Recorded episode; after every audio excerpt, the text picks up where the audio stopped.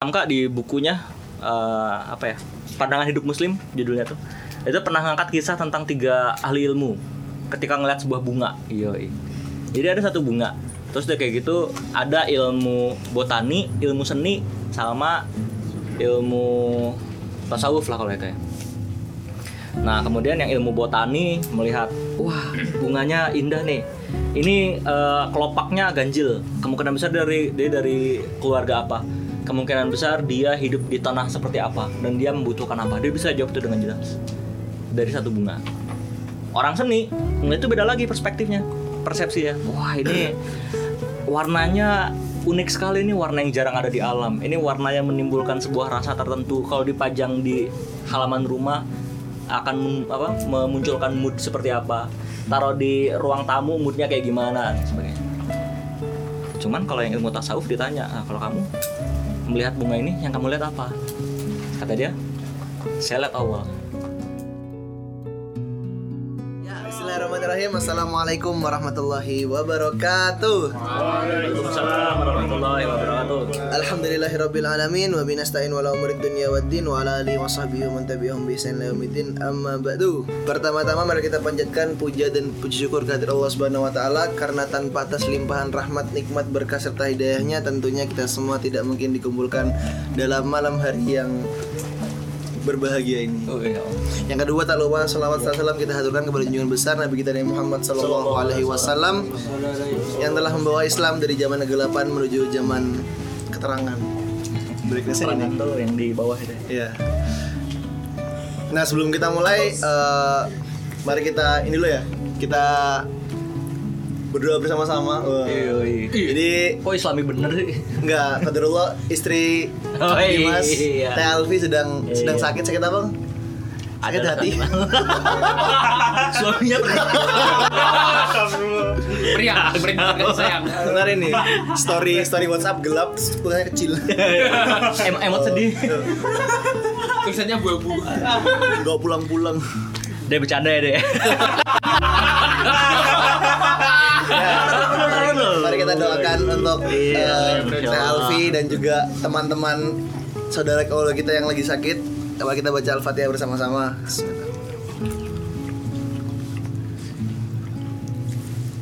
Ya, Al-Fatihah selesai.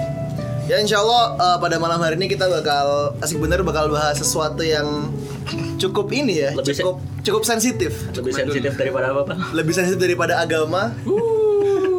Jadi kalau kalau di Twitter itu kalau orang udah bahas agama itu dibecandain biasanya kan. Ya.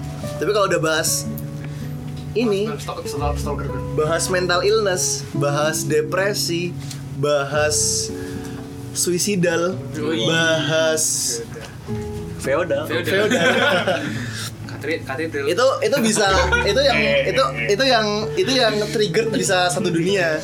Jadi kita jadi kalau lu apa namanya bikin tweet tentang niga tentang apa itu biasanya biasa-biasa ya, aja slow. slow tentang agama apalagi agama udah jadi bahan bercandaan sekarang innalillahi wa inna ilaihi tapi kalau udah bahas ini tuh kayak sangat-sangat semua orang tiba-tiba bisa jadi bisa jadi triggered ketika dengar kata-kata mental illness.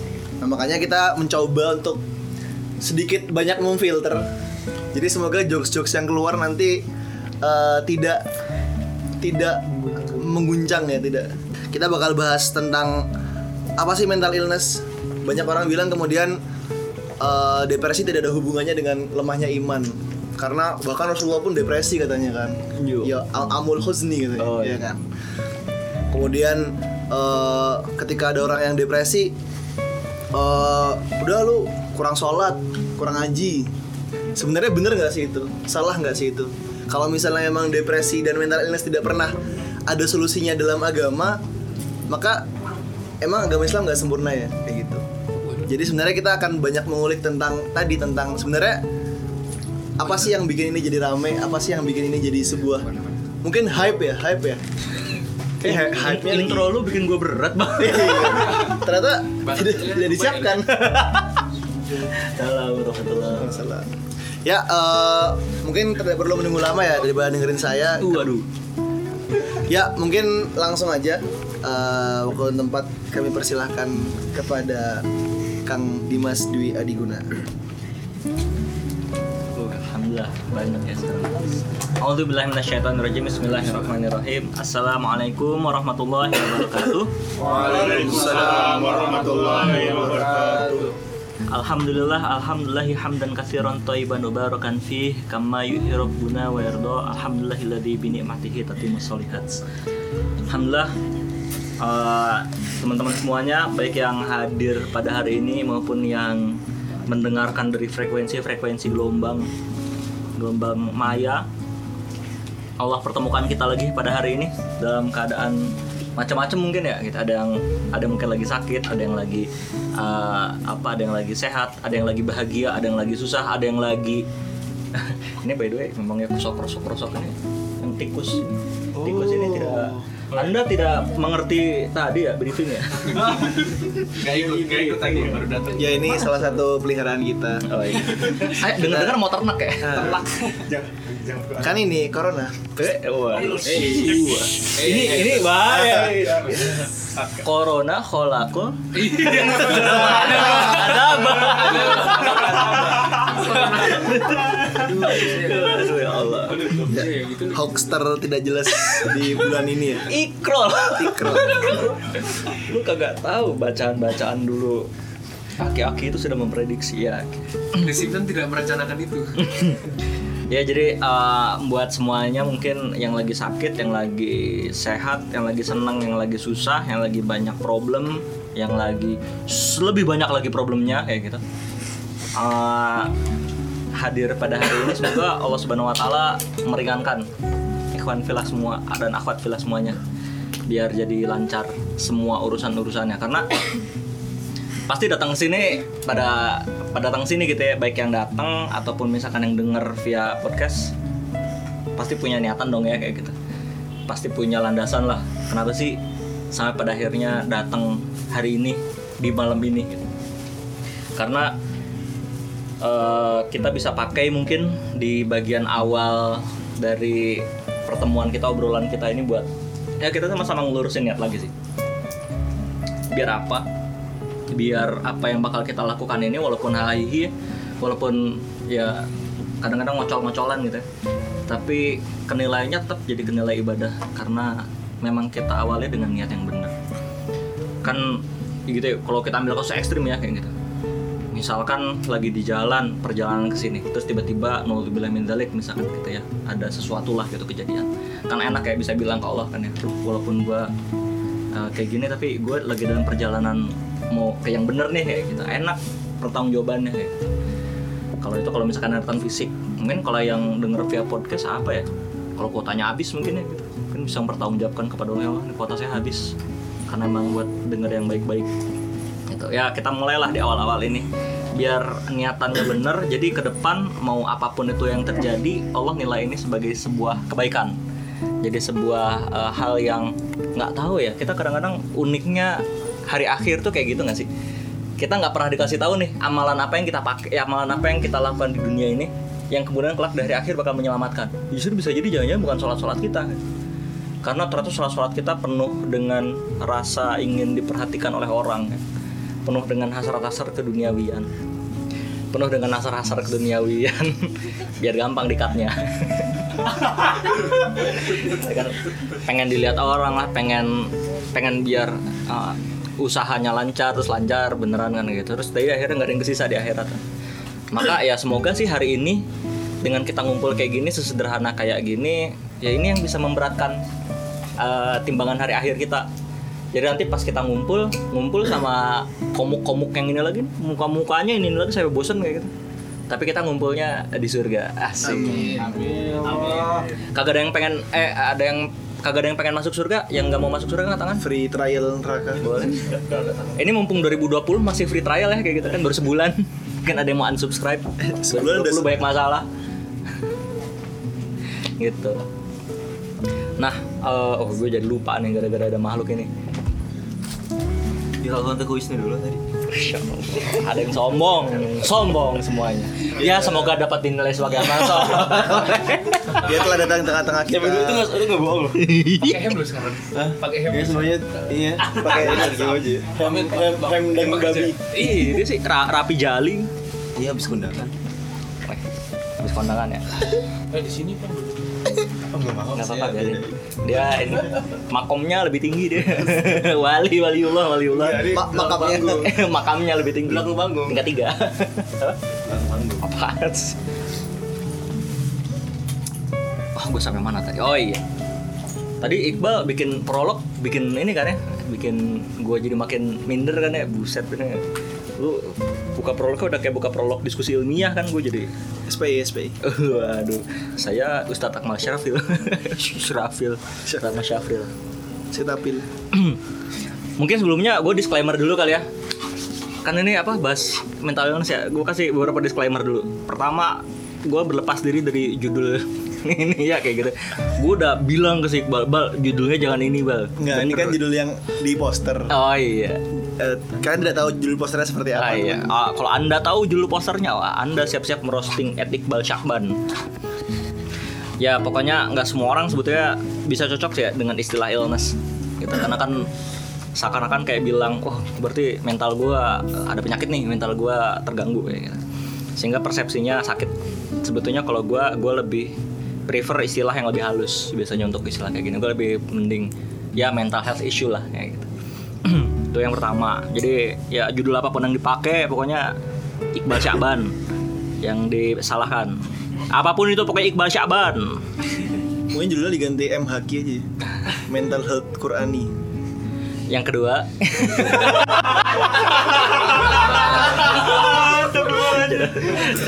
Gila, bentar, Gue udah ini cuy Ya udah.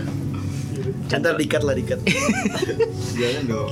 yang kedua sebenarnya gue nggak bisa ngejamin sih bahwa eh, buat semua yang denger di sini ada problem atau kagak ataupun yang denger di podcast ini ada problem atau kagak ya bisa langsung lepas kayak gitu ya langsung sembuh atau langsung clear segala macam problemnya lepas dari rasa stres atau lepas dari eh, apa pun itu yang sedang dirasakan di eh, dirinya masing-masing. Nggak eh, mungkin nanti gue bakal angkat sih kenapa.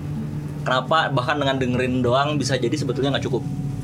Gitu. Terus yang ketiga disclaimer dari gue gue bukan mental health eh, apa mental Trainer. health counselor ya gitu. Bukan mental health trainer. Dan masalah mental healthness gitu kan ya, depresi dan sebagainya itu itu hal yang beneran sih kalau buat gue gitu. Dan emang perlu ditangani secara profesional. So kalau kata gue mending gue bakal batasi obrolan gue pada general stress aja sih. Gue nggak bakal ngobrol ya jadi depresi itu masalah kurangnya enggak enggak gitu. So ayo, nggak tahu tuh nanti IG gue di blok nanti So, jadi gue batasi Gak laku juga IG lu. Oh, belum swipe up. Eh, Nih tikusnya makin beringas. Jadi gue batasi lebih kepada general stress saja. Kalau misalkan uh, teman-teman semua yang ada di sini atau misalkan buat yang dengerin podcast, if you really need help, uh, segera cari bantuan profesional. Kalau buat gue saran gue kayak gitu. Di Amerika uh, layanan profesional untuk masalah uh, mental health issue ini ada di Nasihah, lapan di at Nasihah itu self help untuk yang ada problem terkait tentang depresi tapi dalam koridornya koridor Islami. Dan itu ditangani non judgmental tidak di, di- tidak apa ya, tidak dijudge lah kayak gitu. Nah itu menurut gua layak untuk dicoba sih. Uh, apa professional help kayak gitu. Gitu. Jadi kalau misalkan emang lagi benar-benar butuh saran gue mending langsung ke orang yang profesional tepat gitu. Nah tiga disclaimer itu lumayan lah ya melepaskan gue dari segala macam beban dari segala macam resiko-resiko yang kelak akan hadir.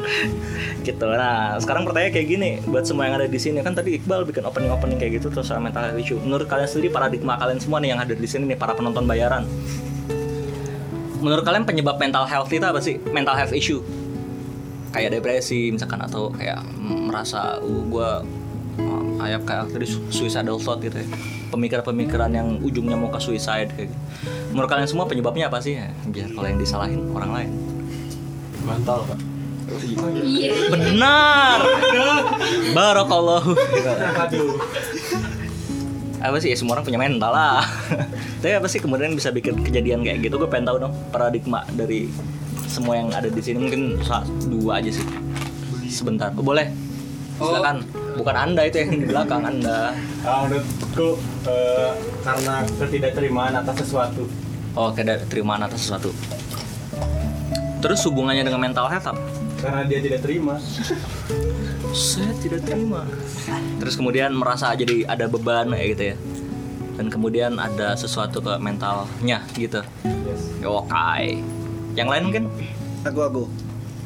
Eh silakan. Yaudah aku deh. Ya udah silakan Ah, Eh, kecewa.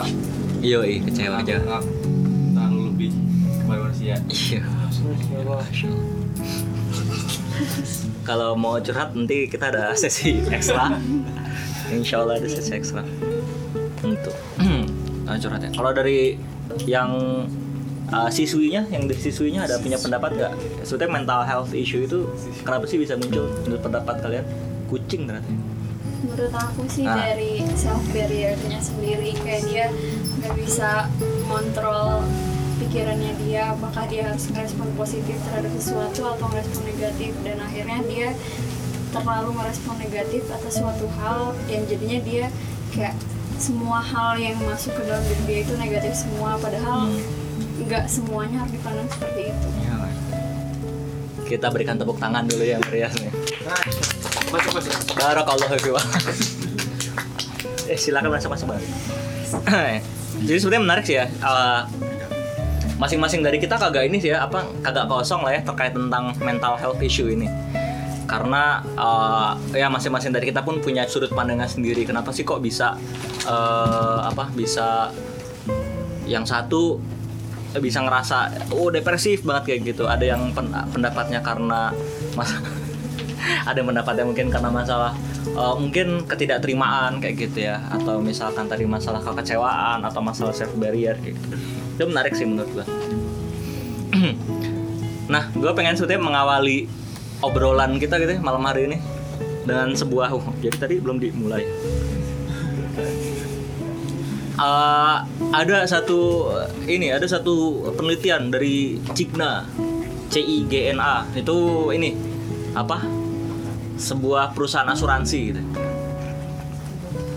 Nah, eh, Cigna ini ada data yang menarik sih kalau buat gua gitu ya. Karena secara kemarin eh bukan kemarin sih tahun 2019 dia pernah bikin penelitian secara global terkait tentang tingkat stres.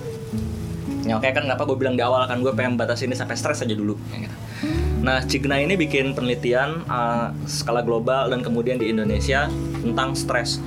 Yang menarik kayak gitu ya. Ini menarik sih menurut gue. Secara global, mereka menyimpulkan bahwa sebetulnya penyebab dari stres itu adalah banyaknya ya, di mayoritas salah satunya adalah ketidakmampuan mereka untuk mengelola apa ketidakmampuan mereka dalam memenuhi kebutuhan keluarga dan kesejahteraannya. Jadi penyebab terbesar di dunia ini yang bikin stres stresor istilahnya itu tuh karena ketidakmampuan mereka untuk memenuhi kebutuhan hidup dan memenuhi kebutuhan dari keluarganya. Nah, itu. kan data yang pertama tuh data global. Nah, cuman ada lagi data yang lain nih. Jadi ketika Cigna itu me- apa ya, mensurvei juga di Indonesia, yang menarik ternyata Indonesia itu punya kecenderungan tingkat stres secara global itu yang rendah. Wah, lucu ya. Aneh kan? Padahal stresor terbesar adalah karena ketidakmampuan memenuhi kebutuhan. Tapi ketika dicek orang Indonesia, orang Indonesia stres atau kagak, justru kecenderungannya rendah. Padahal ya kalau misalkan ditinjau dari laporan Global Hunger Index, yo kita lihat gitu uh, tentang kecenderungan kan kemampuan memenuhi kebutuhan ya. Kebutuhan paling sederhana kan makan. Nah, kalau laporan Global Hunger Index, Indonesia tuh peringkat 73 di dunia loh yang paling uh, risau, merisaukan lah kayak gitu terkait tentang kelaparan. Kayak gitu. Dan bahkan labelnya sangat serius masalah kelaparan.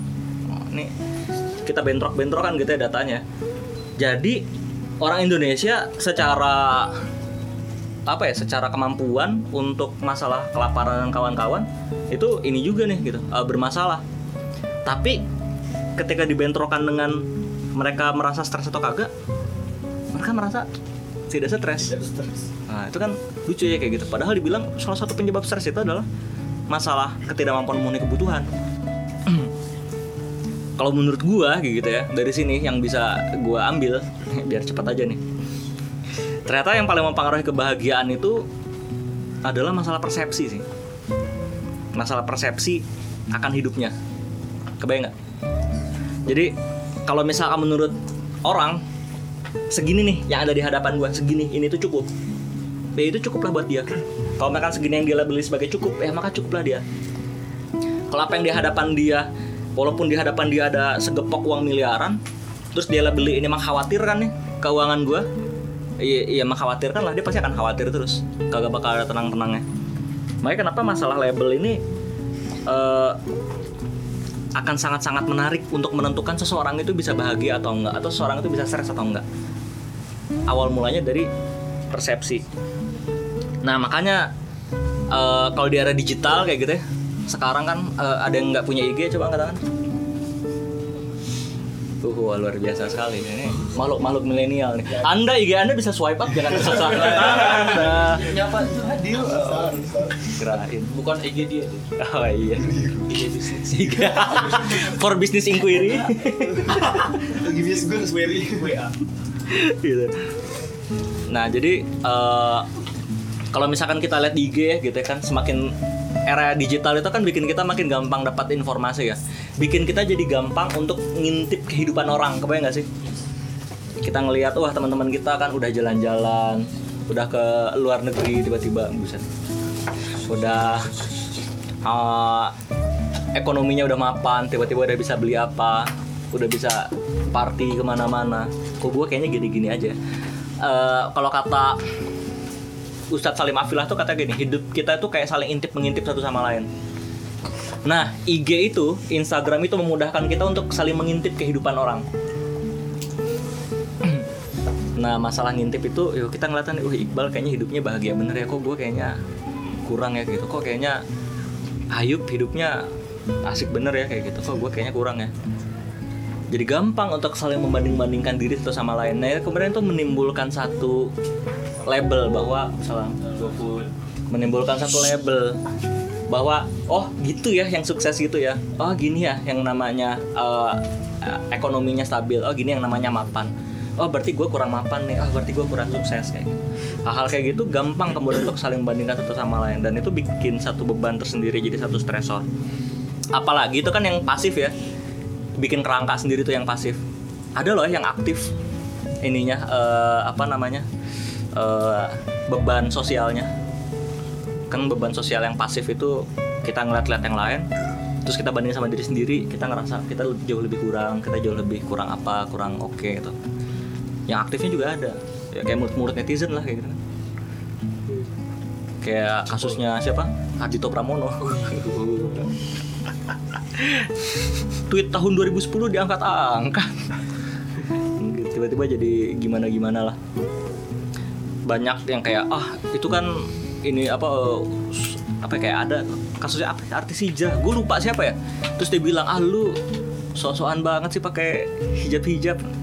Padahal kelakuan masih belum bener ah, ada yang kayak gitu. Padahal kan orang baru mau melangkah ya itu kaki baru mau masuk masjid tuh. Terus langsung dibilang oh anda so-soan banget masuk masjid emang anda sudah bersih?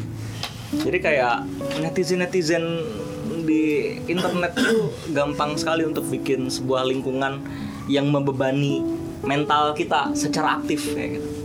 Kayak kenapa secara umum kita bisa sih sebetulnya ada apa ya merasa insecure karena dua sebetulnya kerangka yang dibangun ketika kita lihat IG orang, ketika kita lihat kesuksesan orang, lihat hidup orang, atau perbandingan-perbandingan secara aktif sih, secara lisan buat orang itu. Nah masalahnya kan tadi ya bahwa masalah stres atau kagak tergantung persepsi ya. Iya nggak sih kan masa tergantung persepsi nih. Orang yang di depan dia dia merasa dia cukup persepsinya ya udah dia cukup. Kalau yang persepsinya dia kagak cukup atau mengkhawatirkan dia bakal khawatir terus. Nah maksudnya persepsi ini subjektif sih. Persepsi itu sifatnya subjektif banget. Kalau misalkan ada belasan orang lihat satu kejadian yang sama, Iya bisa jadi hasilnya ada belasan perspektif ketika satu kejadian itu. Eh, Buya Hamka di bukunya eh, apa ya pandangan hidup Muslim judulnya tuh itu pernah ngangkat kisah tentang tiga ahli ilmu ketika ngeliat sebuah bunga. Iya. Jadi ada satu bunga. Terus dia kayak gitu ada ilmu botani, ilmu seni, sama ilmu tasawuf lah kalau itu ya. Nah, kemudian yang ilmu botani melihat, wah, bunganya indah nih. Ini eh, kelopaknya ganjil. Kemungkinan besar dari dari dari keluarga apa? kemungkinan besar dia hidup di tanah seperti apa? Dan dia membutuhkan apa? Dia bisa jawab itu dengan jelas. Dari satu bunga. Orang seni itu beda lagi perspektifnya persepsi ya wah ini warnanya unik sekali. Ini warna yang jarang ada di alam. Ini warnanya menimbulkan sebuah rasa tertentu. Kalau dipajang di halaman rumah akan apa, memunculkan mood seperti apa taruh di ruang tamu moodnya kayak gimana dan sebagainya. Cuman kalau yang ilmu tasawuf ditanya "Ah, kalau kamu melihat bunga ini yang kamu lihat apa? Kata dia saya lihat Allah. Gitu. Jadi artinya ya memang satu benda tergantung kacamata apa yang kita pakai tergantung persepsi yang kita punya memandang sebuah benda yang sama hasilnya bisa beda-beda. Iya. Tikus-tikus. Saya suka emang ini dinamis emang. Emang saya kira reklamasi tuh ekosistem. Gue biosfer biosfer iya biosfer nih. Gitu. jadi gue ngangkat hipotesis sih di awal bahwa bisa jadi sebetulnya stres itu timbul karena ada tekanan-tekanan sosial. Karena eh, ada labeling-labeling tertentu bahwa yang sukses itu kayak gini. Sementara gue nggak kayak gitu berarti gue nggak sukses. Bahwa yang keren itu kayak gitu sementara gue kayak gitu berarti gue gak keren. Ah buat gue gitu ya. Ah, ini yang menarik sih sebetulnya. Islam itu Al-Quran itu apa yang menjadi pedoman hidup kita itu kerennya adalah segala problem yang kita hadapi masa lalu sekarang atau masa yang akan datang itu sebetulnya masalah itu pernah dibahas pada zaman dahulu. Jadi masalah kita sebetulnya kuno semua tuh. Masalah kita nggak ada yang baru. Masalah kita tuh pernah dihadapi di zaman dahulu. Cuman beda objeknya doang. Ini kalau zaman sekarang kita eh, apa ya eh, satu bola tambah eh kalau zaman dulu satu bola tambah dua bola jadi tiga bola gitu ya. Kalau sekarang satu gadget tambah dua gadget jadi tiga gadget lah kayak gitu. Jadi problemnya mirip cuman objeknya aja yang beda nah social pressure ini dulu juga sempat ada tuh di zaman da- terdahulu ya kalau misalkan bisa kita lihat di Quran surat Maryam ayat 24 bahwa pressure yang berat itu pernah dihadapi oleh Maryam. Oh, iya, iya gak sih? Iya. Berat loh itu. Jadi bayangin nih wanita nih, solehah, Eh, figur wanita yang bisa menjaga dan terjaga. Ukti ukti ukti ukti Uh ya ukti yang keren lah. Ukti. Tiba-tiba gitu ya, ukti itu dapat kabar kalau misalkan dirinya akan mengandung tanpa adanya sebuah proses pencampuran dari manusia lain. Jadi bakal mengandung. Ah, kalau kita gitu ya di zaman sekarang buka Quran kan enak ya penjelasannya gamblang. Oh iya betul. Ini kan Allah nih yang ngeginiin. Oh tuh orang-orang zaman dahulu bodoh sekali ya tuh masyarakat di sekelilingnya yang menjudge Maryam kayak gitu. Karena kan ini adalah kuasa Allah. Wah bro coba kita tempatkan diri kita di zaman dahulu gitu, bareng sama Maryam. Kerasa nggak sih bakal ada social pressure? Quran surat Maryam ayat 27. Kemudian dia Maryam membawa dia bayi itu kepada kaumnya dengan menggendongnya. Mereka kaumnya berkata, Wahai Maryam, sungguh engkau telah membawa sesuatu yang sangat mungkar. Wah, netizen kan kayak gitu. Pedes bener kan mulutnya kan. Belum juga ditanya ada apa-apa kan. Tiba-tiba langsung ngejudge kan. Oh ini, Sangat mungkar. ini anda pasti Siren- ada sesuatu. siren. Kalau zaman sekarang pasti masuk akun lambe turah kan kayak gitu. Qadarullah zaman dulu belum ada akun lambe turah lah. Artinya ya khas mulut netizennya lisan-lisan aja. Cuman kebayang nggak sih guys kita ada di posisinya Ibunda Maryam. Wah itu dapat hal kayak gitu padahal kita adalah dirinya adalah figur yang terjaga dan menjaga tiba-tiba di poin itu tuh kemudian diuji. Orang-orang di sekitarnya kalau misalkan dia coba menjelaskan oh enggak kok ini ini apa ya ini eh, ada ada rencananya dari Allah nih kayak gitu. Ma- masyarakatnya kan mikirnya langsung liar-liar aja kan ada hasil yang kagak bener nih. Hal kayak gitu akhirnya bikin sebuah social pressure buat ibunda Maryam makanya kenapa kemudian kalau dikisahkan dengan seperti itu gitu ya uh, ibunda Maryam itu menepi gitu untuk eh, menepi menjauh dari hiruk pikuk masyarakat sejenak itu zaman dulu zaman sekarang bisa jadi sama Nah, cuman kan kalau zaman dulu kan yang ngomong kayak gitu netizennya yang belum pakai Quran sebagai guide ya. Nah, yang sekarang nih problemnya nih. Ini gue fokusnya mau ke sini sebenarnya, Bang. Masalahnya yang jadi problem zaman sekarang yang pakai Quran sebagai guide nih kadang-kadang justru yang mulutnya sama kayak netizen. Kayak netizen Arab justru malah yang yang judgmental kayak masyarakat eh, yang ada di sekeliling Maryam pada zaman dahulu, zaman sekarang justru sering dilakukannya malah sama umat Islam sendiri. Gue yakin sih sebenarnya niat baik ketika pengen mengingatkan atau misalkan pengen ngingetin kan biasanya suka ada kalimat-kalimatnya gimana sih kalau pengen ngingetin terkait tentang suicidal thought atau kayak gitu-gitu. Lu kayaknya coba deh lebih banyak menyerahkan diri kepada Allah. Lu kayaknya coba deh banyakin sholat. Lu coba deh oh ini atau kayaknya lu kurang ini deh kurang banyak kurang zikir kayaknya lu. Ah lu sih kalau misalkan apa apa bukannya buka buku yang lain coba deh buka Quran kayak kalimat-kalimat itu ya ya gue yakin sih niatnya juga baik karena Agim juga pernah bilang ya kalau misalkan eh Agim tahu Agim Oh, siapa? siapa tuh belum tahu Agim A-nya siapa? Agim itu pernah uh, di kajian Ma'rifatullahnya di Darut Tauhid pernah bilang kayak gini. Masalah itu kan dirancang oleh Allah khusus buat kita nggak mungkin salah takar, nggak mungkin salah pasang. Nggak mungkin takaran masalah itu kelebihan buat kita atau kekurangan buat kita. Pas pasti buat sama kita masalah itu. Sehingga kalau misalkan ada problem, ya coba mintanya sama Allah yang menurunkan ujian tersebut, yang menurunkan masalah tersebut. Cuman kan caranya bisa disesuaikan dong dengan titik kondisinya ya nggak sih?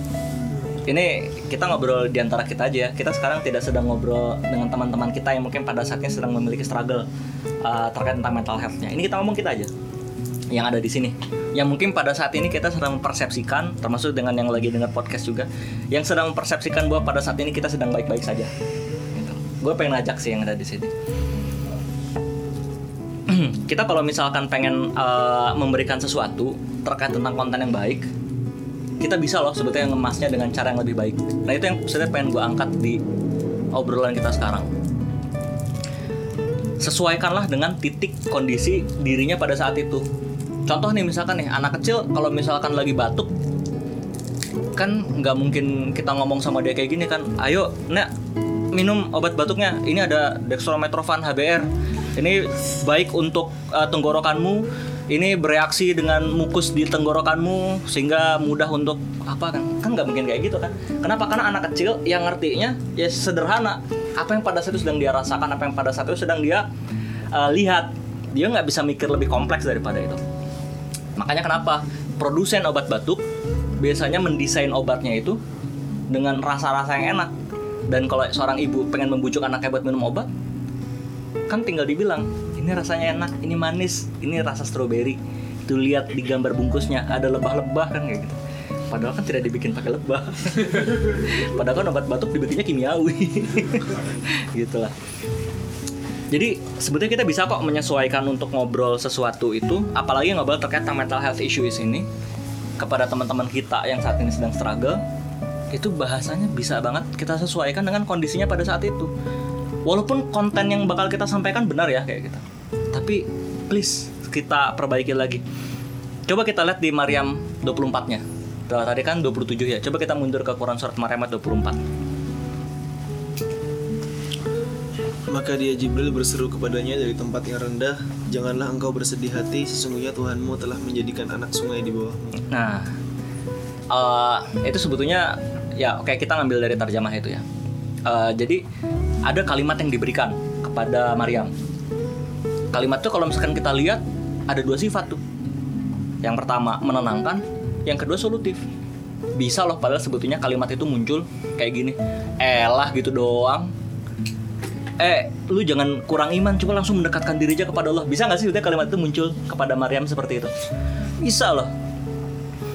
Cuman iya kalimat yang muncul kepada Maryam tidak seperti itu. Karena Allah tahu kepada orang yang sedang mengalami social pressure yang berat, kalimatnya harus dimodify. Kalimatnya harus diperbaiki supaya lebih menyentuh kepada dirinya. Makanya kenapa dua aspek yang diangkat dari kalimat itu? Pertama, dia harus menenangkan. Kedua dia resolutif. Makanya kalimat yang pertamanya diangkat tuh jangan bersedih. Di afir eh di, bukan diafirmasi apa ya?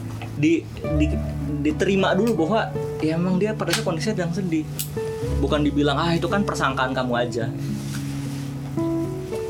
Jadi dikasih diokekan dulu bahwa ya oke kamu sedang bersedih. Nah sekarang coba janganlah bersedih lagi. Dengan kalimat yang keduanya sesungguhnya Tuhanmu gitu. Ada solusinya di situ